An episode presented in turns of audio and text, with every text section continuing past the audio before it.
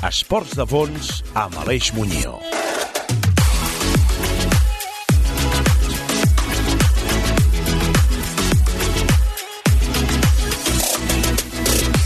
Bon dia, bona tarda, bon migdia, bon vespre o bona nit. Sigui quan sigui que ens esteu escoltant, sigui d'on sigui, des d'on i quan ho feu, benvinguts a 13. Benvinguts al 93è 13, el programa dels esports de fons. Aquí a 13 repassem l'actualitat dels esports de fons, del ciclisme en totes les seves modalitats, del triatló, el dualó, de l'esquimo, de l'atletisme i del trail running.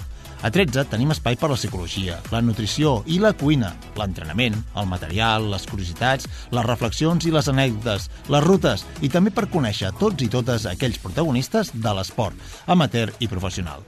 Tots tenen espai a 13. I sabeu per què? Perquè aquí, a 13, hi cabem tots. Els més ràpids, els més lents, els que gaudeixen amb les pulsacions a 220 amb un dorsal al davant, els que fan anar una e-bike, els que ho fan en tot xinutxano, els que es motiven fent patar tots els coms i dels que senzillament gaudeixen de notar l'aire a la cara, tot fent una mica d'esport. Tots i totes tenen una cosa en comú. Són fons addictes, com nosaltres. Aquí és la casa de tots els apassionats i apassionades dels esports de fons. Aquí és la casa de tots aquells i aquelles que no ens fa res passar fred al matí, matinar per fer allò que més ens agrada. Els mateixos que quan tothom ja s'ha recollit a casa, us calceu les bambes i aneu a córrer desafiant el poder del sofà, quan tothom ja està calentó preparant el sopar. Els que quan veieu 9,6 quilòmetres al vostre GPS doneu voltes per davant de casa per fer els 10 i que formeu part de l'equip de descobridors dels termes municipals propis i dels municipis termeners. 13, una producció de We Run per a Ràdio Sabadell i que podeu escoltar a la vostra ràdio de proximitat gràcies a la xarxa de comunicació local de tot Catalunya i també subscrivint-vos al podcast de Spotify. 13, tal com sona, 13. No deixeu de mantenir-vos al dia i informats al perfil d'Instagram 13 Esports de Fons. 13 Espai Esports de Fons.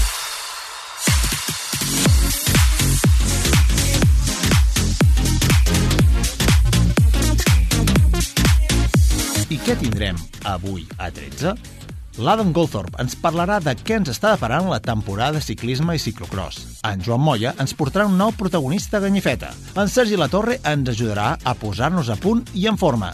En Geni Sabater ens parlarà de l'aventura que està visquent a l'Equador. Parlarem i conversarem amb en Miquel Blanchard, el triatleta català de llarga distància que ha anunciat la seva retirada. I recordeu que està a punt de tancar el període per inscriure's a la Cap d'en Reis Virtual, una campanya solidària que recull recursos econòmics per al Parc Taulí de Sabadell. Registreu un app, un recorregut de 5 o 10 quilòmetres corrent i inscriu-vos a capdanreis.cat. Feu el donatiu que desitgeu i per validar el rànquing envieu el comprovant del vostre registre d'activitat a hola.capdanreis.cat. Recordeu, fins al dia 31, capdanreis.cat. Aquest Nadal, Cap d'en Reis virtual. Cap d'en Reis virtual. Totalment gratuïta i 100% solidària. Mouta i corre per l'Hospital Parc Taulí de Sabadell. Dóna suport a la primera línia vers la lluita per la Covid-19. Corre on vulguis. Corre a casa, al carrer, al gimnàs, a la cinta, corre per la muntanya o per la platja, corre pel pati o per les escales. Corre i mouta pel taulí. Cap d'en Reis virtual. Del 22 de desembre al 31 de gener, inscriu-te i registra amb la teva app favorita un recorregut de 5 o 10 quilòmetres. La teva inscripció serà donada íntegrament a la Corporació Sanitària Parc Taulí de Sabadell. Inscriu-te i fes el teu donatiu a capdanreis.cat capdanreis.cat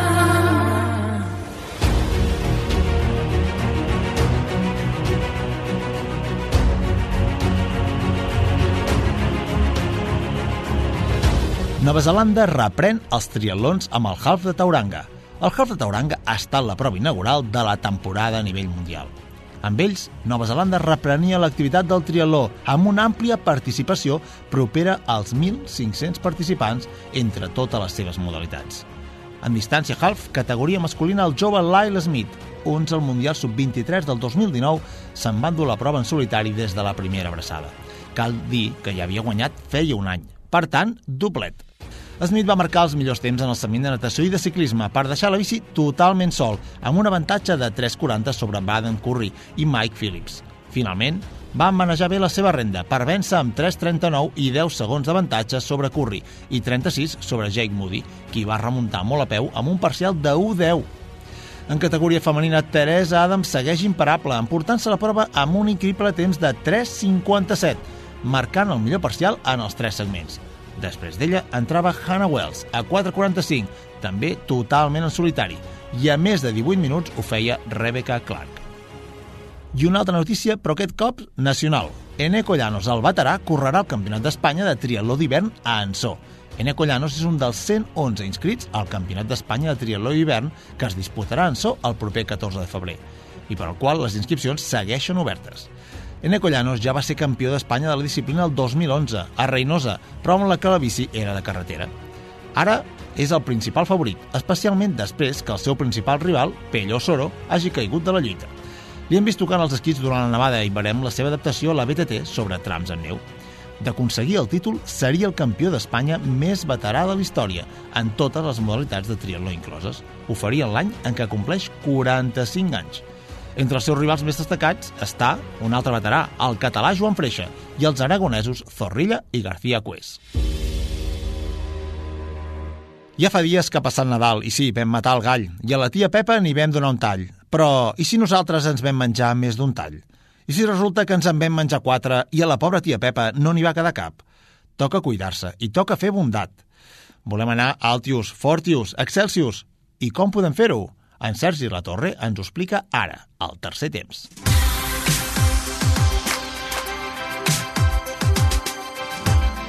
Doncs tot just fa una setmana amb en, amb en Sergi, amb el Sergi La Torre, eh, ens, explicava, ens explicava parts dels, de, de la suplementació bàsica i, i clau i ens parlaves de la, de la creatina, i, però, però tot savi, eh, Sergi, tu avui venies amb una idea i llavors eh, ens hem assegut aquí a la taula de 13 i, i, i m'has vist la meva cara de preocupat i, i, i veure amb aquest, amb aquest temps tan, tan fredolí que fa i tot, que pel que portem roba, però t'he dit, escolta'm, eh, l'any ha començat, eh, ens allarga una miqueta el confinament, aquest perimetral i tot, però tenim l'esperança que cap a l'abril, maig, quan comenci a fer bona temperatura, doncs és quan els reptes esportius més o menys dels esportistes de fons, excepte els que fan esquim o, o competeixen ara, doncs és quan els podrem fer. I, i jo particularment també i, i és quan has dit, escolta'm, saps què farem? Farem una cosa que et servirà a tu i que li servirà a tothom per arribar a, a finals de primavera i estiu a, a tope, a tope, no? Sí. Què es tracta això? Va, vinga, aviam, aviam, què és el que, què és el que, el que podrem fer, aviam? Quina, quina idea tens i què és el que, el que proposes avui i l'ajuda la, que seràs per, per a, a mi particularment i, i pels oients de, de 13, aviam. Vale. Eh, com no has fet res durant el Nadal, ni el repte, ni t'has tallat el cabell... No, no, no, segueixo vale. sent un mapatge. Escolta, fem una cosa, fem una cosa, ara aquí, independentment del que em proposis ara i tot, que ja ho faré, a rajatabla, eh, el repte és que quan acabi això d'aquí un mes m'he de tallar el cabell o quan s'acabi tot aquest repte m'he de tallar el cabell o que abans de començar m'he de tallar el cabell. Què creus tu? T'hauries de callar, tallar el cabell. Ja. sí. M'hauria de callar el cabell. És... Calla't, calla't el cabell, que ja parla i tot, que té, és... que té vida. Exacte, és preocupant. No, però que me'l rento, eh? No és que té vida perquè és un mapatge, no perquè, no, perquè vagi brut. Sí, clar. sí, sí, clar, clar. Esperem que te'l rentis. Clar, 3M, 3M, senyor 3M. Jo cada dia li faig gasto. Pot enviar-nos aquí unes caixetes a la ràdio que les farem servir. Exacte. Doncs mira, com fem, com ha passat això i no has fet res... Escolta, però eh... jo, vaig, jo vaig començar-ho a fer, eh, la primera setmana, però llavors, mira, entre, entre els Nadals, que si ara, ostres, va, que surt un bici, que llavors acabo cruixit, tot, doncs, lo de les flexions es va quedar amb molt bona intenció. Escolta'm, en el món de l'esport passa això, i en el món dels reptes passa que potser comences i llavors ho deixes. I sí, t'he de confessar, mea culpa, vaig, vaig deixar de fer flexions. Vale. I com dius que has vingut una miqueta amb sobrepès, encara que has fet exercici, perquè Clar. li pot passar a molta gent, o ens passa a tots, que venim una mica sobrepès després de Nadal, després de tants menjars copiosos, doncs vam parlar i hem parlat per fer una petita dieta o patrons nutricionals o no? Per tu, exactament. Vale? Perquè vols, vols definir o perdre una mica de greix eh, per arribar al maig a, al 100%, no? Diguéssim. Exacte. Vale. Que és una dieta, aviam, la proposta que faràs és una dieta que qualsevol persona que vulgui menjar correctament li serviria, sí. però que hi hauria una hi haurien paràmetres que serien, en tot cas, què seria? La, la quantitat de calories o què seria el que... Eh, faràs una proposta que seria amb uns, amb uns, elements nutricionals que són els que qualsevol persona hauria de menjar, l'únic que, que és el que varia, si hi ha més o menys d'una cosa Sí, o l'altra. eh, varia sobretot eh, les quilocalories i varia els, els aliments també. No, sinó, no el tipus d'aliment, o sigui, vull dir, proteïnes, hidrats, grasses, eh, vale, llegums, sinó el que varia és eh, quan mengem això, perquè clar, una, una persona sedentària És a dir, l'ordre, de quan, quan ens ho mengem? Ah, Del Exacte. dia? Sí, perquè si tu entrenes pel matí, ingeriràs X abans, no? I si ho fas en dejú, has de menjar més a la nit els hidrats de carboni perquè es carreguin els mucos de glucogen i et serveixi per tenir energia pel matí, perquè uh -huh. hem de recordar que els hidrats de carboni són els que donen energia. Els- proteïnes l'únic que fan és reconstrucció del múscul, és a dir, si una persona es dedica a menjar proteïnes, es posarà malalta i no tindrà energia, es anirà tot el dia cansada, com amb son. Ja, perquè tindrà dèficits nutricionals. Igual que si no mengen verdures, no menges... Però m'estàs els- dient que, per exemple, quan, quan vinc a casa teva i fem una barbacoa d'aquelles que mengem carn i carn i carn i carn, si m'agafa son, és, és perquè, perquè no he menjat carbohidrat i he menjat molta proteïna? No. O perquè he, he dinat molt? No, t'estic dient que si, que si, per exemple, tu surts amb la bici, a, al, ara l'hivern sortiu, els, els ciclistes sortiu d'hora, no? Sortiu a les 7 o 8 del matí, no? Inclús a les 7. Si potser que la ruta que has fet la setmana passada la tornes a fer i la fas a menys, amb per menys temps, potser és perquè no tenies tanta energia, potser és perquè has dormit malament, potser és perquè estaves cansat, vale? però sí que pot venir per part de l'alimentació Vale. perquè pots dormir igual de bé i pots descansar igual de bé, però si potser a la nit, a la nit vas menjar una amanida, doncs clar, no tens energia per poder sortir en dejú. És a dir, que aquí hi ha una cosa que el que, el que farem, mira, si et sembla, i, perquè, i ho compartirem amb els, amb, amb els oients i a les xarxes de, de 13, és eh, posarem com la planificació una miqueta d'activitat física que, que faré jo mateix, mm. posarem també els horaris de quan es fa i tot, evidentment, doncs, doncs jo sabeu que som mestres amb el, amb, el, amb el Sergi, som profes de secundària i també entrenadors, eh, i llavors, doncs clar, ens hem d'adequar l'horari d'entrenament una miqueta a aquesta rutina. Llavors, doncs, el que ficarem és, ficaré les franges horàries que entreno i en funció d'això també la, la proposta de nutrició que marcaràs tu és en funció també de l'activitat, la quantitat d'activitat i l'hora del dia en què es fa amb- d'aquesta activitat. La ingesta. Sí, tu em dius, si, si tu em dius que surts al migdia, la ingesta que has de fer forta l'has de fer menys matí. Dues hores abans, inclús després que menges dues hores i mitja. Vale. Bueno, entre una hora i mitja i dues hores i mitja està bé, perquè Però clar, no és el mateix per córrer que anar amb bici, no? També, suposo, o què? de, tot depèn de la distància, però clar, si surts a córrer 30 minuts, No, bueno... Igualment, no és, per exemple, a mi, per exemple, no m'agrada fer exercici amb l'estómac carregat. Prefereixo tenir una miqueta de gana. jo he agafat alguns talls de digestió, a vegades d'anar a córrer, a, havent menjat depèn què, córrer sí, però per exemple, bicicleta, tu podries menjar-te un entrepà perfectament abans de truita o alguna així, i podries anar amb bici sense apretar-te, però la primers 40 minuts d'escalfament podries arribar-ho a fer. Clar, però pensa que quan mengem, tota la sang i està concentrada a l'estómac per fer la digestió. Llavors, Clar, si t'exigeixes, eh, llavors és quan venen els talls de digestió aquests, no? Exacte, Clar. exacte. Aquí el que es talla, el que passa és que la, el, el teu organisme no té suficient força i està tanta sang concentrada a l'estómac que no pot donar-li l'energia a tots els músculs. Tota l'energia està concentrada en fer la digestió. Per això no és bo fer exercici mentre fem la digestió. Vale, vale. Saps? Perquè, per exemple, si tu al dinar de Nadal, després torrons, polvorons, eh, el licoret, si ens prenem un licoret, el cafè i tal, jo necessito 3 hores de digestió, mínim, eh? Sí, sí, home, clar. Perquè si no... I més, que llavors no sopes si no- gairebé aquell dia. no sopes, si no eh, doncs mentre ganes de vomitar, nàusees eh, o vomites o, o t'entren marejos també llavors s'ha de, ser- de tenir cuidado Vale, doncs goita, mira, jo eh, faig, eh, mentre tu m'estaves explicant això he fet els deures, mira, t'he posat aquí aproximadament el de dilluns a, a diumenge les activitats més o menys quan, quan les faig, mira el, el dilluns doncs podria ser a mig, a mig matí el, el, el dilluns, mira, aviam, poso que puc fer bici a partir de les 12 del migdia vale. el dimarts a la tarda, ben dinat. El dimecres a, a les 13 hores. El dijous, aviam, el dijous a les 14 hores. El divendres a les 15 hores. I el dissabte i el diumenge al matí. És a dir, que en realitat, excepte el dilluns dissabte i diumenge, eh, els altres dies és com al final del matí migdia que puc, que puc sortir, que clar, Vale. és quan acabo la jornada del matí. És com si haguéssim ben esmorzat. Què passa? Que a vegades si esmorzo a les 11, a, a les 3 o a les 2 tinc gana. Per exemple, els, els divendres, quan surto a les 3 de la tarda, què em passa? Pues que, que jo surto i, i, i menjo dues barretes, perquè és que quan jo arribo a casa, si plego quarts de 3, arribo a casa, em canvio, em prenc dos barretes d'aquestes, les energètiques del Nutrisport, i, i tiro milles i me'n vaig en bici. El que passa que al cap d'una hora i mitja començo a tenir gana ja, eh? perquè clar, he, menjat, he esmorzat a les 10 del matí. Clar, però potser el seu seria esmorzar a primera hora, eh, menjar alguna cosa més a les 11, 11 i mitja, que nosaltres fem el, el, Sí. sí. tenim el pati, diguéssim, i potser després, més enganxat cap a les dues, no? O Sí. una, eh, potser fer alguna líquid que sigui més ràpid de digerir, però que et tregui la gana. Un és carbohidrat líquid o alguna cosa d'aquestes? Sí. De ràpida, de ràpida absorció. Sí. Doncs, aviam, tenim, um, aquí són, al final acaba sortint una setmana entre 10 i 15 hores, mm. que crec que qualsevol, els, els, els, una miqueta, els aficionats amateurs són 10-15 hores el que poden dedicar a la setmana. És una Sí, mitjana d'una hora i mitja, dues hores al, Sí. al dia, que ja, ja déu nhi està bé. Sí, és, sí, sí, sí, sí. És, amb això ja, ja podem fer una millora de, de, de la forma física, a part de, del que seria l'entrenament, aquí ja hauríem d'afegir tot, mm. però llavors, amb això i amb la proposta que, que tu veient aquests horaris, ara eh, tu el que faràs és fer una proposta nutricional.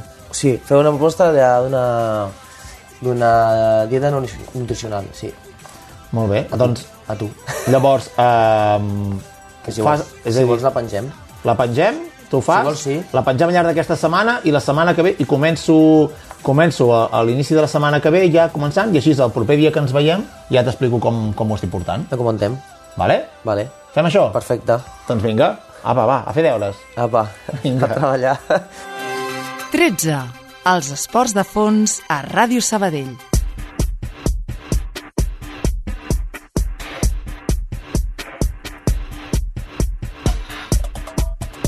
Trail runner, biker, escalador, alpinista, el trobem per qualsevol dels cinc continents fent activitat i escometent reptes a tota hora. Ell és un atlet integral, ell és en Genís Sabater. Ara des de les Amèriques i concretament des de l'Equador. Hola Aleix, hola equip de Trits Esports de Fons, com esteu? Molt bona tarda, nit, vespre. Bueno, aquesta setmana em poso en contacte des de vosaltres des de Riobamba, a 4 hores de Quito. Això és la capital del peu del Chimborazo. El Chimborazo és el volcà més alt de tot Equador, de 3.280 metres. Eh, mireu, aquesta setmana he fet 30 anys i ho he celebrat precisament pujant a aquest volcà. De fet, vaig fer 30 anys el d'aquest volcà, o sigui, bastant xulo que com a dada així interessant és a la muntanya més alta del món respecte al centre de la Terra. És a dir, que del centre de la Terra fins a la cim del Chimborazo hi ha més distància que del centre, del, del, del centre de la Terra, al cim de l'Everest, no? que és el més alt, amb 1.800 i molts metres. Però això no és 30 anys ja, que dic la cosa, eh? Recordo fa 15, que jo en tenia 15, ma, mi germana en va fer 30 i pensava, vaya vieja, i m'ha arribat, eh? Me cago en dina. Pues res, nois, estic aquí a Equador treballant, de guia i fent fotos i vídeos, uh, així d'esport, um, amb un parell de marques que, que ens hem enganyat uns als altres. I res, el guai d'aquí és que ja hem pogut fer gairebé tots els volcans que volíem fer. Hem fet el, primer de tot els Liniza Son Nord i Surt, per una via molt xula, que també és un volcà molt, molt divertit. I hem fet els volcans que ha al voltant de Quito, que tenen 5.000 metres, però això d'aquí a és molt xulo, perquè puges amb cotxe fins a 4.500 o inclús fins a 5.000. Vull dir que tampoc té, té més mèrit anar a fer la mola que no pas fer el volcanot d'aquest. Si no és per la mal de cap i les ganes de vomitar que et donen l'alçada. I res, i hem fet el Cotopaxi, eh, molt llegendari, molt xulo, un cràter, és, és, una, és una muntanya brutal, eh? Vaig estar allà al Kilimanjaro, que és un altre volcà, i el Mont Fuji, i no és el mateix que, que el Cotopaxi, eh? L'olor a sofre del cràter és molt, molt guapo. I mm, res, mira, us vull explicar bàsicament que el guai que estem fent en aquest viatge és aquí, a, això no ho digueu a ningú, eh? però aquí a Equador, per fer muntanyes, com que hi ha molts accidents, cosa que és normal, perquè la gent va vestida igual que si és la Mola Montserrat, però a un 6.000 amb una glacera. Llavors, clar, la Mola i Montserrat pues, eh, es trenquen el turmell i el rescaten un helicòpter, però aquí eh, es foten dins una esquerda i es moren. Aleshores, els parcs, quan tu intentes la cumbre, no? intento a cumbre, fas una autorització, no? I, i sempre ho has de fer el dia abans. Llavors, tu per fer una cumbre aquí a Equador, eh, has de sortir el dia abans, puges a dormir al Campo Alto o al Refugio, i el dia següent et lleves a les 12 de la nit i fas el cim a la matinada. Veus la posta de sol, tot molt romàntic, i te'n tornes cap a casa.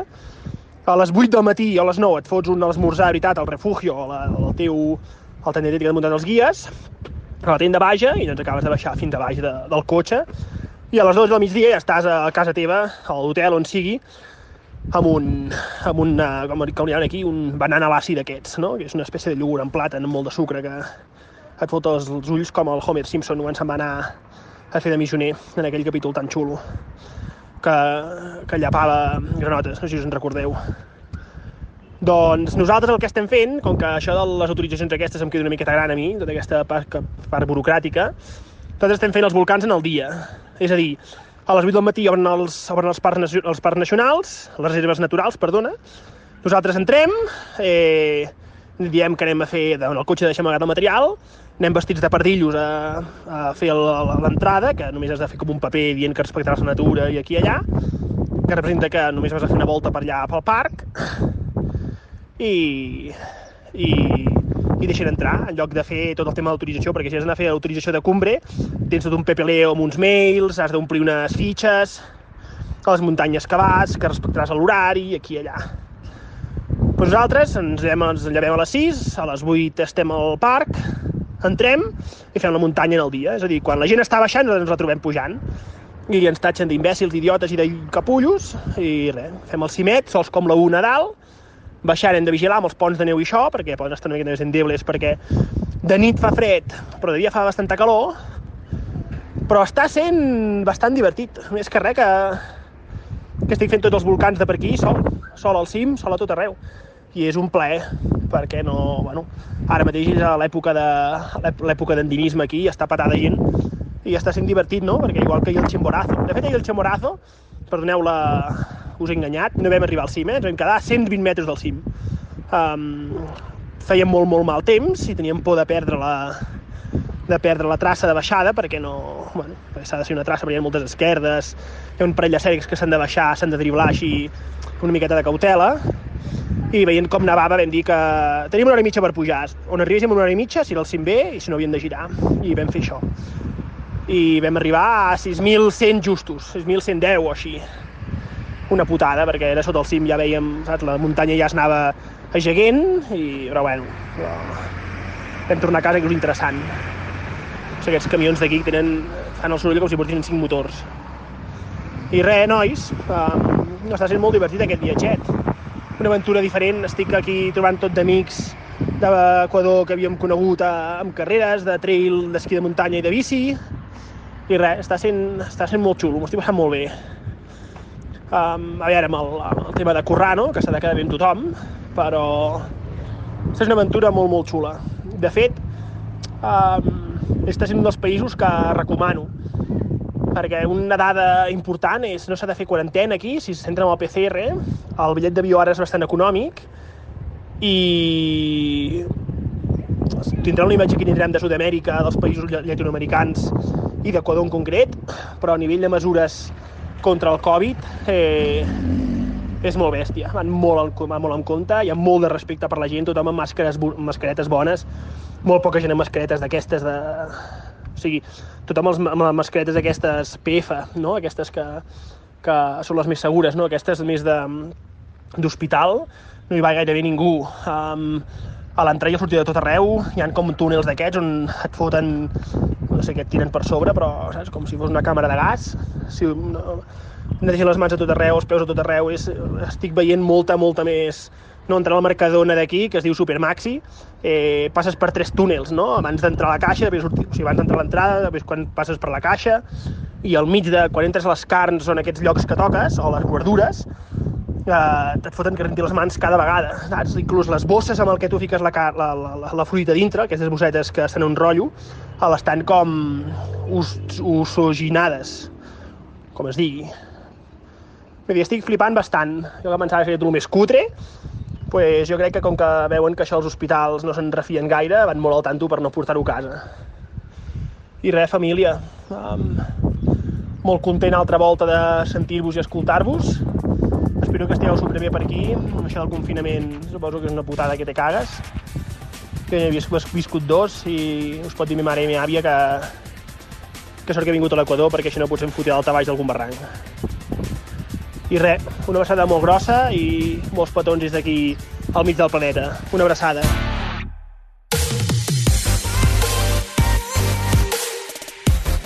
Fa 20 anys que el conec, tants anys com els que s'ha dedicat en cos i ànima a la seva passió. Dels 15 al 35, tota una vida esportiva dedicada al triatló. Sabadellenc de 35 anys i pare de dos fills, en Miquel Blanchard ha decidit deixar la pràctica esportiva professional i reescriure els somnis que l'han acompanyat durant més de 20 anys. Olimpiades, victòries i podis i mundials, Hawaii, Ironmans, tot eren somnis, alguns d'ells aconseguits. Avui a 13 coneixerem quin és el camí i quina valoració fa el Miquel d'aquests 20 anys. Doncs, ostres, potser fa, potser fa 20 anys, eh, Miquel, eh, quan, quan tot just eres, eres un puber i, i, i potser ja et vaig conèixer que ja havies començat o acabaves de començar amb triatló, eh, si ens diuen que aquest viatge duraria 20 anys, no és que diríem, no, no hauríem dit pas, hòstia, eh, durarà només 20 anys, sinó que potser no ni ens hauríem cregut no, que duraria 20 anys. No, no t'ho creuries, clar. És que, I més en aquelles èpoques, que parlar de 20 anys és com... Uf. Clar, bueno, 20 anys... Quan, Són quan... quatre lustres. Sí, no, no, i que... Quants anys tenies? 16? 16, o sigui, va ser... Sí, 16. De fet, quan vaig començar, o sigui, els primers entrenaments així que vaig fer eh, bueno, amb vosaltres, doncs abans amb el Julio i, a, i amb el Jordi un pèl abans, era això, era 14, 15, 14, 15 anys era. Escolta'm una cosa, aviam. El que, el que, el que entenc i com a persona que, que et conec de fa molts anys i com a persona que pot eh, entendre que el món de l'esport d'elit eh, et dedica un compromís i unes prioritats eh, que evidentment aquestes prioritats es reescriuen i, i evidentment jo entenc per exemple que segur que la teva vida personal el fet de ser pare, el fet de ser pare per segon cop tot et fa veure que, que la vida, a perseguir els somnis individuals, eh, són, és molt important i és, i, és, i és molt bonic, però que potser arriba un punt que, que reescriure els teus somnis i, i reescriure les teves prioritats i, i veure que a la vida hi ha altres coses també que t'omplen potser a part d'estar entrenant 20 hores al dia i, i descansant o només viure per entrenar. I això jo crec i, i això fins a quin punt creus que és eh, la, la llei de vida i que és totalment lícit entendre i, i prioritzar el que, el que sents i poder viure el que la vida t'ha trobat amb la teva família, amb la teva dona i ara amb, amb una segona criatura i amb una primera criatura, perquè ha sigut pare jove i, i el primer fill el vas tenir encara plenament amb, amb, amb actiu i amb resultats sí, sí. esportius bons i tot, però clar, evidentment, eh, no, ara aquí no direm doncs, quantes hores ocupa criar una criatura i, i gaudir d'una parella, però evidentment suposo que això també a nivell personal et fa plantejar també moltes coses eh, a l'hora de prioritat i de prioritzar, dir, ostres, això hi estic dedicant tantes hores, realment és el que vull, o com, com influencia això també tot plegat, en potser, si mirem des, de, des dels 5 anys ençà, com modifica això també eh, o afecta en un esportista professional? Evidentment que afecta, vull dir, a la vida les prioritats van sorgint, o sigui, seguint amb la mateixa tònica que portàvem anteriorment, quan ets jove tens menys prioritats, tens menys responsabilitats, llavors tu et pots centrar en un objectiu en concret, un objectiu més personal, no? més de superació personal, i pot ser que sigui això el teu, bueno, el súmum de, de, de, de la teva vida, no? però és en aquell moment, a mesura que tu vas fent passos, com aquest que arribes, tens parella, et cases, i sobretot quan tens el primer fill, aquí te n'adones no? que hi ha un canvi radical de prioritats o sigui, el que per tu era la teva vida passa a ser un segon terme, en un segon pla. Llavors, eh, i no, no és que sigui una cosa com obligada perquè tens un fill, no, no, és que és la naturalesa. Al final, jo me'n vaig adonar en el moment que va sortir el fill a, a, de la panxa de la seva mare, vull dir, no direm una altra cosa, diríem una panxa. Però Eh, I va ser en aquell moment de dir, Clar, ostres... No t'estem preguntant si va néixer per cesària o va ser part natural. Exacte. En el moment que va aparèixer al món. En el moment que va aparèixer al món. Llavors, clar, això... En Teo ja està aquí. En Teo ja està aquí. Llavors, I no és un llibre, és- és el- és que és el la teu fill. realitat, Sí. exacte. I llavors tu creus, i dius, vale, i llavors a partir d'aquí ja ho veus tu, no? Que quan tu abans estaves 5-6 hores a la carretera i t'era igual, en el moment que tu tens un fill, això ja no t'és igual, al contrari, tu el que vols és arribar el més aviat possible a casa per estar amb la teva família. Llavors, ja ho veieu, doncs això va canviant, va evolucionant, i el fet és aquest, que la prioritat és la família, i en el moment que es toca la butxaca del que és el teu ofici, i tu veus pues, que potser la teva estructura, eh, parlem-ne pues, més econòmica, però que llavors afectaria a nivell de l'estructura familiar, com es podria veure afectada o que podria trontollar, doncs dius, escolta, és moment de fer el canvi. Jo el que no puc estar fent és el tonto. Si, si fos Javier Gómez Noya, o si fos Eneco Llanos, o si fos Alistair Broly, o si fos algun altre, algun home, altre aviam, triatleta, home, pues, és que- tu pots permetre. Tu Però pots permetre probablement, perquè tens Miquel, una persona amb el teu rendiment i amb la teva solvència física eh, en d'altres països hauria pogut guanyar-se la vida molt millor. Probablement. Sí, però la realitat és aquesta. la, la, estem la realitat, aquí. estem aquí i hi ha el que hi ha, això és així. Sí, sí. Es deixa molt clar, la vida, les prioritats es reescriuen, Sí. es fan, Clar. i, i evidentment passes d'un esportista d'elit a de ser egoista en aquest sentit, ha d'estar centrat en ell mateix. Sí. I evidentment fer una família i tenir fills, clar, et suposa és del tot menys egoista. Exacte, bueno, jo és que mai he sigut egoista, ja els que em coneixen ja ho saben. Llavors, potser és el que tu sempre has predicat, no? que a mi m'ha faltat això. M'ha faltat el punt aquest de killer, d'assassí o de depredador, doncs que no l'he tingut, no l'he tingut. Tant a l'hora potser de negociar patrocinis, tot. com a l'hora de... Perquè, bueno, perquè has tingut aquesta vessant, excepte quan eres petitonet, que eres una miqueta cabronet, això s'ha de dir. Sí, però allà jo crec que vaig cremar tots els cartutxos Vas cremar tot, que aixafava sí, les figures de fang. Aixafava figures de fang, em barallava... Sí, Sí. Pixaves fora de la tassa. Feia bullying, eh, vaig inventar el bullying. Sí, vas inventar... Miquel Blanchard, quan era petit, era una peça. Home, és veritat, et vaig fer de monitor i tot. Sí, sí, no, no. Clar, però, però llavors, clar, quan va ser, quan et vaig tornar a trobar de gran, vaig dir, hosti, tio, però aquest, aquest nen que tenia la veu com trencada, eh, eh, això, que semblava el, el, El Colombo. Senyoreta Perkins! Doncs s'ho va deixar tot en allà, i sí que és veritat que llavors, eh, de fet, suposo que és això una de les coses que fa que tanta gent t'estimi. No, i que tothom digui el que diu de tu i tot, i aviam, sí, evidentment, això no et fa pagar les factures a final de mes, no exacte. però el que sí que et fa és, home, pues suposo que ser feliç. Tu ets feliç ara? Creus Sí. que has fet un pas que t'ajuda a ser feliç? Bueno, sí, a veure, ara mateix és Com tot sents, molt aviam? precipitat. Com, com et sents? Sents que t'has tret una llosa de sobre? Et sents que tens tota una pàgina en blanc per escriure? O com, quina, quina és la sensació que tens? Ara és una sensació estranya, és com que sí que treus una llosa, però en part no, saps per què? Perquè pel fet de que jo abans em sentia, pues, i això pues, potser, no sé, digue-li que queda pedant o com sigui, em sentia amb un estatus i em sentia pues, amb una satisfacció personal i professional, vale? pues, X, i ara em sento pues, X menys alguna cosa. Vull dir, és com...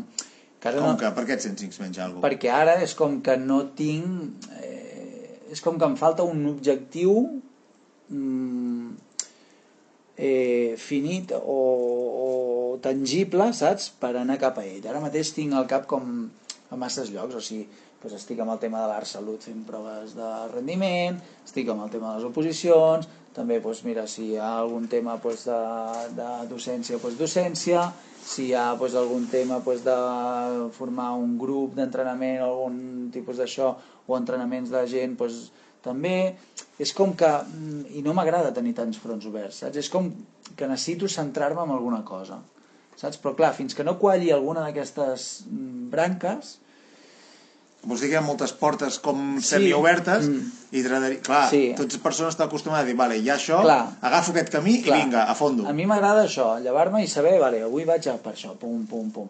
I ara què em passa? Pues que, bueno, que no, avui a veure què faig. Avui em toca fer, pues, potser centrar-me més amb la gent que entreno. Vale, demà pues, em centro més amb les proves d'esforç. Eh, I a mi això pues, em, em distorsiona una mica. Però clar, perquè potser és just un moment d'impàs, Exacte, no? és el que dic, és un moment d'impàs, és un moment d'impàs i és un moment complicat. Estem en context de Covid i les coses pues, van lentes i, i és difícil, vull dir, sincerament, és, és, bueno, és un moment que les coses no es fan fàcils.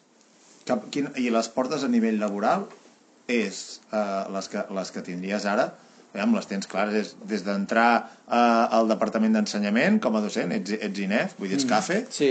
llavors eh, està, es, es, faràs el, el cap a, a aquest, Clar, jo el cap el vull fer en el moment que vegi que puc entrar en un centre educatiu, perquè ara mateix... com estan ah, les llistes de... de, de, Ara mateix estaven tancades, vull dir, jo vaig mirant i estava tancat.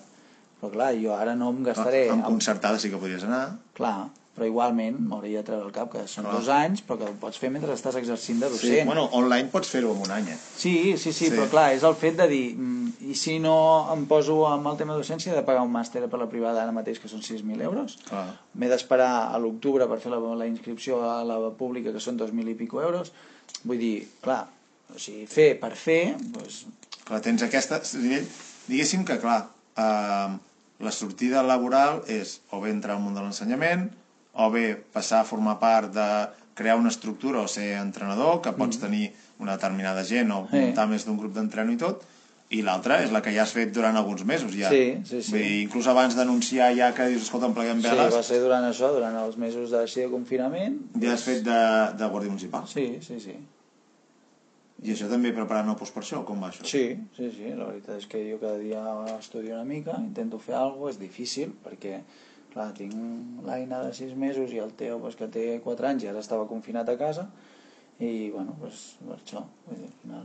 Clar, llavors si jo, per exemple, et dic eh, la teva rutina diària, en què veus que ha canviat d'ara respecte a fa 3 mesos o 4, eh, clar, comptant que era la pandèmia, posem-hi un dia de, de rutina diària de Miquel Blanchard eh, professional, en família, evidentment, però professional.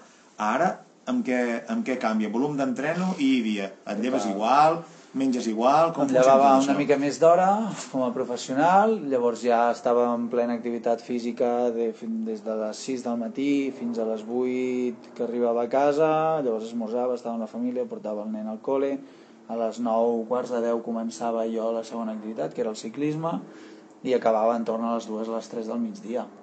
Clar, llavors, bueno... A la tarda què feies? A la tarda normalment, doncs, clar, em dedicava més a... Feies el dinar, oi? Arribaves, feies el Bueno, dinar? sí, el sopar, llavors anava a buscar el, el Teo, vull dir, al final, doncs, bueno, o sigui, era matí, tot el matí fins que acabés d'entrenament, i a la tarda em dedicava més a la família, vale? i això, clar, ara és diferent, ara jo m'aixeco, faig entrenaments de la gent, estudio... Però lleves a la mateixa hora? M'aixeco a les 6. T'aixeques a les 6 Sí, encara? és que si no, clar, si no, no puc fer res. O sigui, clar, o sigui, més ara tenint el teu a casa que l'he tingut, bueno, ha estat 10 dies, però bueno, és igual. M'aixeco a les 6, faig això, però és que si no tinc l'Aina també, ara, clar, llavors és molt difícil. Explica'm com és un dia teu i quantes hores dorms i aquí no te'n vas a dormir. Ens anem a dormir allà a les 10, 10, inclús a vegades, bueno, sí, a les 10, 10 i poc.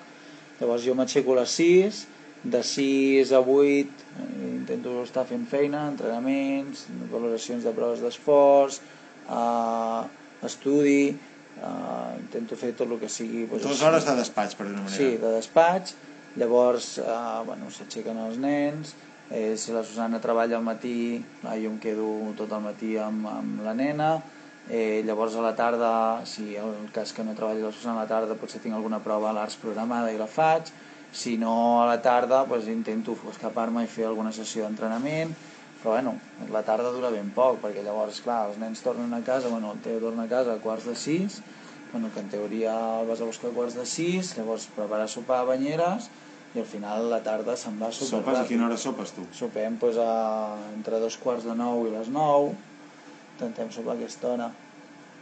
I, però ja et dic és que al final el dia dura super poc i és un no parar i les feines de casa i ara mateix estic com de més De mestresso de casa. mestresso de casa sí, sí.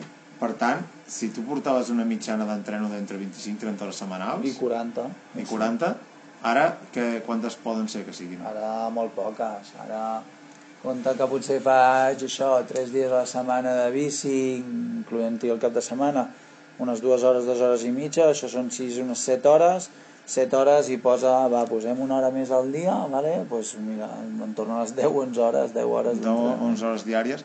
És a dir, és un, és un 75% menys. I com això el teu cos ho nota? T'has engreixat? Notes No, no m'he engreixat, però sí que noto que a nivell muscular a vegades pues, això, em fa més mal d'esquena, inclús a vegades tinc alguna rampa així, alguna tetani- tetanització als braços o alguna cosa, i que són coses d'aquelles que dius, ostres, el cos està canviant, està canviant, és un procés, però, però és així. Sí, sí. Però, escolta'm, i llavors, um, tot, amb aquestes 10, 10, 12 hores que fas i tot, mentalment, eh, et serveix això per evadir-te? No conceps l'esport com una evasió o ho conceps ara com un stand-by i, i reescriuràs un repte esportiu? Com, com t'ho planteges, això? Uh, Saps? Que veure, és sí. activitat física com la que puc fer jo per en plan... "Mira, Jo vinga, no ho fer", considero com una evasió perquè al final és com que ho necessito, jo necessito l'activitat física, si no el meu cos no funciona. Bueno, clar, no pots passar amb uns mesos de fer 40 exacte, hores a fer-ne... Però a part, si no, ja és un tema de salut, si no jo ja no em trobo bé. Vull dir, si jo no faig activitat física, no tinc... Tu ets d'aquells que es fot de mala llet, si no pots No, bici? no, de mala llet no, al contrari, m'aplatano. O sigui, és com que tinc menys energia. Llavors jo necessito pues, un nivell de- d'estrès de, a nivell físic i cada vegada ho veig més clar. Vull dir, si no, pues, jo podria estar tota una setmana a casa o dues o tres més, si, si estic la merda bé a casa. Que passa que després... Clar, això et cost, això et cost t'ho demana, també, de dir, eh, doncs ara no tinc ganes de fotre res. Ui, avui. tant, i tant. Sí? Sí, sí, sí. I no tens cap mena de remordiment. No, però... De dies aquests que serien no res d'ell, no, de, però, de però, foto el que, el però que, llavors, el que em dona. llavors sé que em trobo malament, saps? O sigui, ja et dic, em fa mal l'esquena, eh, no em ve de gust menjar, no sé què, el meu cos ja es regira, saps? I llavors jo necessito, jo necessito fer activitat física, necessito apretar-me, ara baixaré a les pistes i faré sèries de 300 i... Però perquè et dóna la gana. Perquè em dóna la gana, no tinc cap obligació, vale? I, i tu el que dius això, doncs és un stand-by potser a la llarga hi ha un, algun repte esportiu, doncs potser sí que ens el plantegem a la llarga un repte esportiu i sobretot doncs, quan passi el tema Covid perquè fer proves amb el tema Covid és, és no gaudir de l'esport i és, bueno, és, és un nyap Llavors, ara mateix, mira, també va bé perquè així no, no et planteges res i no et ve de gust fer Clar, res. a més, aviam, tot s'ha de dir que ara la, la cabra està a casa, oi? La bici Sí, de, contrarrellotge. Sí, sí. està en venda. Si algú, si poseu en contacte amb el Miquel, Mhm. ja, ja sabeu que tindreu la publicació, tindreu el seu Insta per si voleu parlar-li, però, però clar, ara surts amb mountain bike. Sí. I em vas espavilant. Sí, m'agrada molt, la veritat és que m'agrada molt la mountain bike i evidentment m'agradaria també pues, canviar-me-la, però això no ho faré. Bueno, aviam, clar, si, I- és que, si la situació està com està sí, sí. i estàs ara amb tot de portetes Sí, sí. obertes, no? Però la veritat és que la mountain bike m'agrada molt. Mountain bike i atletisme, ja està. És el que fas. Sí, I sí. nedar què? Res. Perquè em fa molta pena anar a nedar a la piscina perquè hi ha companys de natació i... Et fa remoure el que fa molt poc temps estava en actiu. Sí, sí. Però bueno. Escolta'm una cosa, i llavors, diguéssim, de coses així per a nivell de menjar, suplementació, eh, coses d'aquestes que potser feies quan ets professional, hi ha alguna cosa que t'hagis saltat pel forro, que hagis dit, eh, ara menjo dònuts, ara menjo xurros, ara menjo no sé què, o fas el que et dóna la gana com sempre, et segueixes cuidant No, molt, què jo- fas? hi, ha jo algun, hi ha algun no. antojo que ara puguis permetre, No, o te les permet? No, Clar, entrenant, entrenant 40 hores a la setmana, si un dia et venia de gust menjar-te un xurro, del menjar, però és que tampoc et venia de menjar-te gust. No, exacte. Però ara no. fas alguna cosa, alguna malifeta? Explica'ns alguna ma- malifeta que facis. No, és que malifetes tampoc en faig, perquè al final, eh, en aquest sentit, jo estic ben educat, no?, i no tinc la necessitat d'això. Sempre... No, Que t'agrada no- menjar, sí. Jo, exacte, jo no he portat mai una dieta espartana amb el sentit de, de reprimir-me tot el que jo necessités, no, perquè he tingut la sort d'estar de, de, sempre pues, en el pes òptim i, i tot. Llavors, que algun I cap de setmana... menjar, feia molt bon menjar. Exacte. Que algun cap de setmana pues, eh, compro croissants a casa o no sé què, pues jo menjo croissants, és igual. O sigui, no tinc cap... Però, per exemple, tu quan li fas el berenar al Teo, el croissant, o li fa, què li fas? No, el teu intento, jo potser sóc una miqueta més restrictiu amb això, intento pues, mirar-m'ho bastant, no? Perquè sí que m'obsessiona molt el, el, el, vull dir, la, la societat que vivim actualment, que, que, clar, tots aquests premis que moltes vegades els hi volem donar als nostres fills, de, que si xutxes, que si no sé què, clar, sí que, se, sí que li dono i evidentment que m'agrada donar-li perquè ells són feliços amb això i al final és una xorrada, ¿vale? però clar, és que el dia a dia hi ha tants premis amagats d'aquests que ostres, que s'ha de vigilar, llavors pues, sí que ho vigilo una mica, no? potser un dia a la setmana sí que li faig pues, l'entrepà de Nutella perquè li ve de gust, o potser un dia a la setmana pues, sí que li porto unes tortites d'aquestes amb, de iogurt, que també, bueno, això sembla que sigui de dietètica, però al final és sucre pur, però intento després això, no? que sigui pues, fruita, o li faig jo una crep a casa, també pues, que, que li faci jo, o li faig un entrepà, o li faig el típic pa amb xocolata, perquè no sigui pues, bueno, tan, potser tan, tan industrial, però bueno, que al final eh, estem parlant de tema sucre, eh? I, però bueno, intentar una miqueta controlar-lo, no? I, i també pues, intento fer-li fer activitat, o sigui, Eh, jo sé que la seva mare ho sap, no? que tinc la dèria aquesta i, per exemple, ara aquests dies està a casa confinat i, bueno, sempre ell activitats extraescolars no en vol fer, el vaig intentar apuntar a karate però no, no va voler. Que és una altra de les coses que tu t'han flipat sempre. Sí, de fet faig karate, el que passa que amb el tema confinament també està tot, bueno, està tot destrossat i, i amb ell doncs, al, al vespre sempre fem lluita en el llit jo el faig saltar allà, bueno, fem atacs bueno, fem combat no? Llavors és una manera pues, que realment ell fa activitat física perquè bueno, estem una estona i sí que el canso. I és com que jo vull que ho faci, saps? Mm. Bueno, o sigui, al final és això, no? que ho portes a dintre i involuntàriament sempre estàs pensant en aquesta vessant, no? Tu aquesta cosa, allò de que el meu fill farà tot el que jo no hagi pogut fer, dels pares d'aquests frustrats que a vegades es veuen, que, que en el món del futbol sempre sembla, però que, que suposo que tots, una miqueta, el que el fill, aviam, quan tu t'apassiona un esport, Uh, sí. Fins a quin punt també dius, hòstia, el, clar, el teu fill t'ha vist competir sí, i tot. Sí, t'ha sí. fet alguna, t'ha dit, papa, ja, no, sí. com, ja no vas tant en bici? T'ha fet alguna no, ronda sí, d'aquestes, el teu? Sí, sí, i ara pues, últimament això, que hem fet reportatges, he vist vídeos, fotos, imatges, un dia em diu, jo de gran vull fer el que fas tu. I saps allò que dius, ostres, se'm, se'm va negar, bueno, se'm va fer un cas a la gola, no?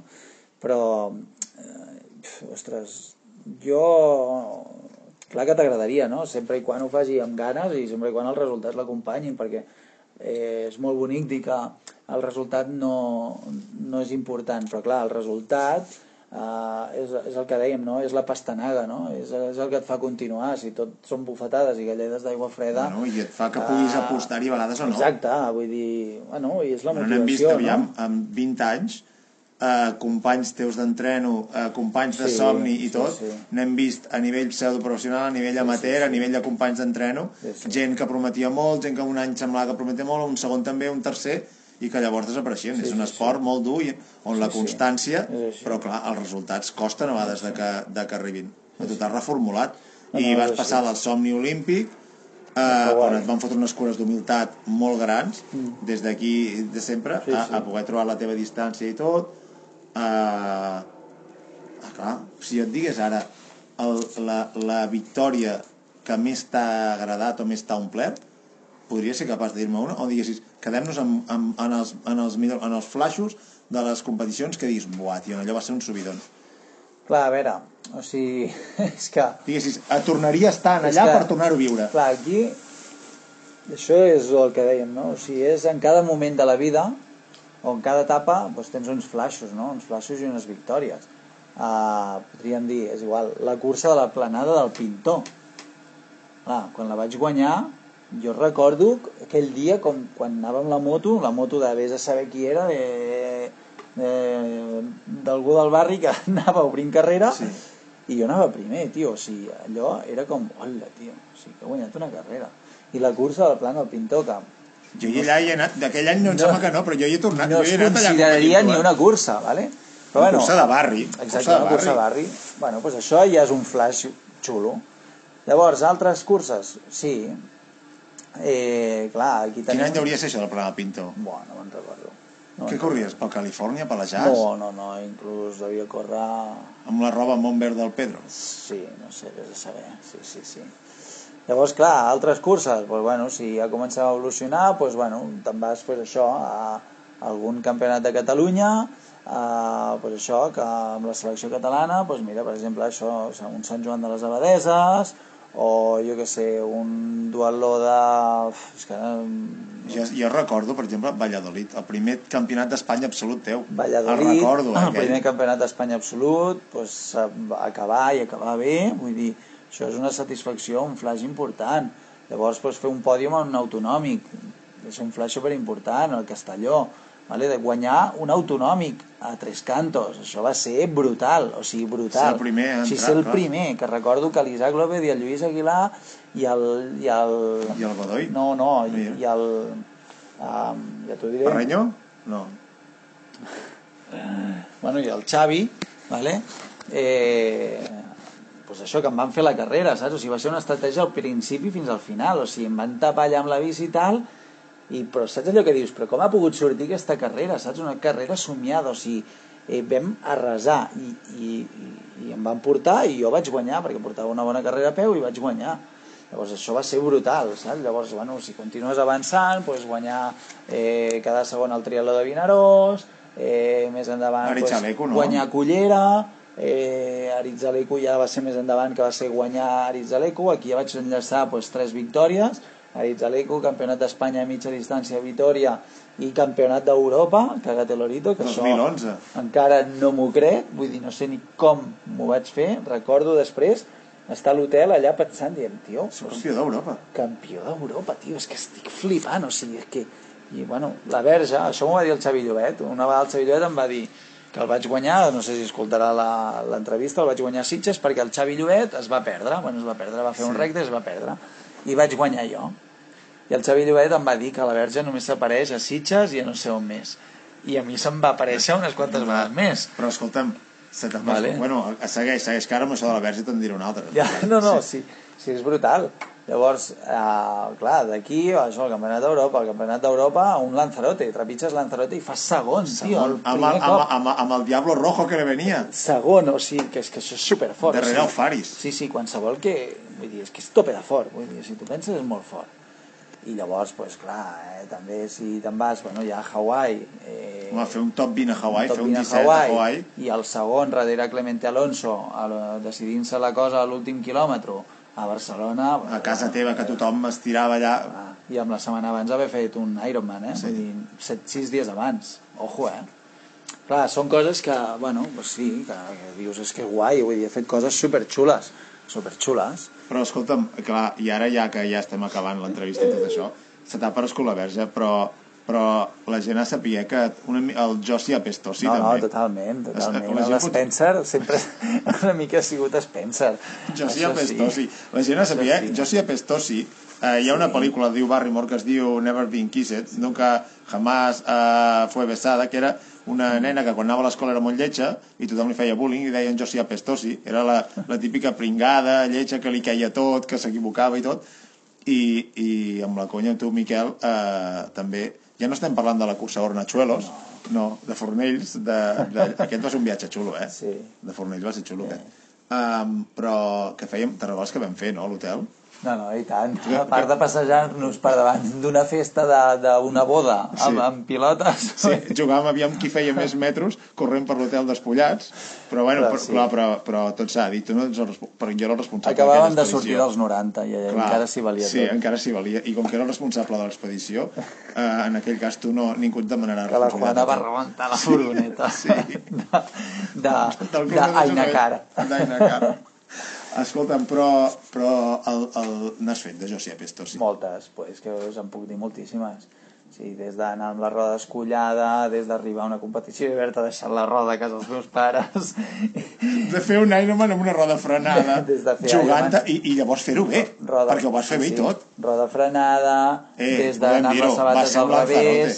A un Lanzarote amb una roda frenada. Brutal, va ser brutal. Fer 180 km a Lanzarote Era, amb la roda era, frenada. era horrorós, eh? va ser horrorós. Passar per sota els boxes. Passar per sota els Sí. boxes de Mataró, Deixar que el Bernat Moragas adelantar-lo en el Campionat d'Espanya a Valladolid. neoprè del revés, sabates del revés, eh, saltar una transició al, al duel de Manresa, que anava tercer, i saltar sobre els pedals, no sé si vosaltres ho coneixeu, bueno, eh, eh, no, vull dir, anava a dir una cosa, però no, portava els pedals auto amb les sabates sí. posades i vaig saltar sobre la bici amb les bambes, bambes, les Amb les bambes de bambes de córrer punta, les bambes i les de sabates de bici. Llavors, jo què vaig fer? Vaig treure amb les sabates sobre la bici, les vaig tirar i vaig dir que sigui el que Déu vulgui. I vas córrer descalç, No, després final. me les vaig trobar allà. Això va ser una verge que es va aparèixer. Veus? El Però Xavi Llobet tenia raó. situacions que, que em trobo que, bueno, que ha sigut allò en plan de dir igual... Bueno, però és que clar, amb, amb 40 hores a la setmana pot haver-hi de tot, no tothom és, és encertat. No, no. Escolta'm, jo t'he de confessar, jo també he sigut una mica Josi Apestosi, Sí, però no, clar, no. no el mateix nivell que tu, perquè clar, fer el Josi Apestosi d'estar per casa pot ser jo que sé, que vagis i passis un pont i, et, i et, no sé, per Bueno. exemple, coses d'aquestes. Perdre'm a carreres, Per exemple, la carrera aquella que va ser a Bolton, no sé si No, va a ser Bolton no, però una vegada vas anar a una carrera que, que a França, em sembla, No que vas donar, l'arribada. que eren, que eren 20 quilòmetres I i vas fer fer-ne 30 i 35. pico. Ai, no puc riure, que em fa mala costella. jo preguntant als organitzadors, però per on és, per on és? Responent-me en anglès, jo amb els nervis dient, però que per aquí ja hi he passat! Però en plan de, joder, però per on és, saps? Fuck you, saps? Vull dir, en plan... I, i... Home, jo me'n no, recordo... No, ara, bucles d'aquests de dir... No, jo me'n recordo "Em moriré Bolton. Aquí, Aquí, dissecat. aquí, que segons el Gonzalo Martínez Trialeta Sanret, allò va marcar un punt i... eh, Ah, no, no era Bolton, exacte, això sí, lo de Gonzalo sí que era Bolton. No, lo de Bolton sí, però clar, jo quan vaig veure que anaves tercer i estava al quilòmetre 15 i, i dic, i arriba el tercer, el desè, el 15è, No, no, no. el 20è, i m'apareix una moto i diu, estàs esperant el dorsal aquest? I dic, bueno, diu, l'he anat a buscar que s'havia perdut. I dic, què Sí, collons sí, dius, sí, sí, tio? sí. Però això va passar a França, sí que et va passar això, que et vas parir de fer com 30 i pico quilòmetres en vez No, de, no, va de ser 20. Anglaterra, va ser Anglaterra. També Anglaterra? Sí, sí. És a dir, Sí, sí. Mm, Bueno, Anglaterra ni lloguis cotxes, no, no. ni lloguis cotxes, ni, ni, ni vagis a competir. No, no, està clar. Van al revés, van al revés. Però bueno, en fi. Ah, escolta'm, doncs llavors què? Et veurem a, la, et veurem a Andorra competint en alguna cosa o què? No sé, ja ho veurem. De moment no. A mountain bike? De moment no. Ja ho veurem. Aquí lo dejo. Bueno, de moment ara toca fer bondat. Sí. Uh, mirar aviam si acabes de fer lo del cap i et fas mestre i tot. I, I es tracta, doncs, de que, de que puguem anar sumant, no? Exacte. De moment, la qüestió és d'anar gaudint de tot Sí, el sí, que has sí. fet i anar reescrivint cap on vols anar, no? Sí, sí, és així. Bueno, família, Bueno, doncs escolta'm, Miquel, per res. pues, Gràcies per l'entrevista. bueno, ens ha agradat parlar amb tu i que sobretot era important que la gent sapigués el que és ser un José Pestorsi, però també era important conèixer més enllà també de el, com et sents, què fas i com, i com penses. No et farem fer ara receptes de cuina, que sabem que ets un cuinetes, però potser sí que ja va haver-hi un temps que ho vas fer, lo de les receptes, però ja, ja ho recuperarem, això. A veure, Vale? coses n'hi ha per. O sigui, Clar. No, no, clar, aviam, escolta'm, n'hi ha moltes. Doncs, escolta'm, moltes gràcies, Miquel.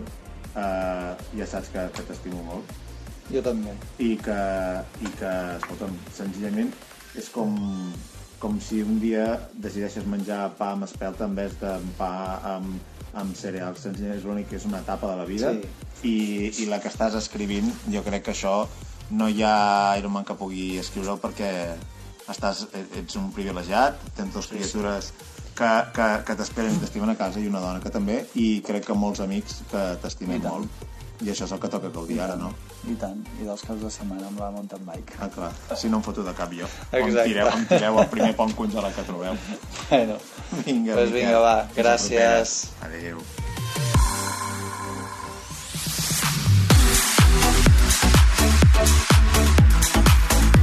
I fins aquí el 13 d'avui. 93 hores d'esports de fons. Avui amb en Joan Moya, en Sergi Latorre, l'Adam Goldthorpe, en Genís Sabater i Miquel Blanchard, sota el suport tècnic del Roger Benet i d'en Sergi Cubero. I ara 13, quan vulgueu i on vulgueu. Ja som a Spotify. Teniu a la vostra disposició el podcast de 13. 13, tal com sona, i en lletres, podreu linkar-vos directament des del nostre perfil d'Instagram, arroba 13 espai esports de fons. De debò, gràcies per formar part de la família de 13 i d'aquests 93 programes. 13, una producció de We Run per a Ràdio Sabadell i que podeu escoltar també a la vostra ràdio de proximitat gràcies a la xarxa de comunicació local de Catalunya. El 1993 teníem Are You Gonna Go My Way, de Lenny Kravitz. I què vindria a dir això? Què vindria a ser? Doncs vindria a ser Vindràs amb mi? Em seguiràs el rotllo? Nosaltres seguirem la way del Genís, del Joan i d'en Sergi i també la way d'en Miquel Blanchard. Us espero la setmana que ve. Poseu-vos el casc, la mascareta, vigileu i sigueu prudents. No deixeu d'estar pendents del temps i cuideu-vos, cuideu-vos molt. Us volem a tots i a totes aquí, a 13. Soc l'Aleix Muñoz i us espero la setmana que ve per seguir gaudint dels esports de fons aquí, a casa vostra, a 13, la casa dels esports de fons. Play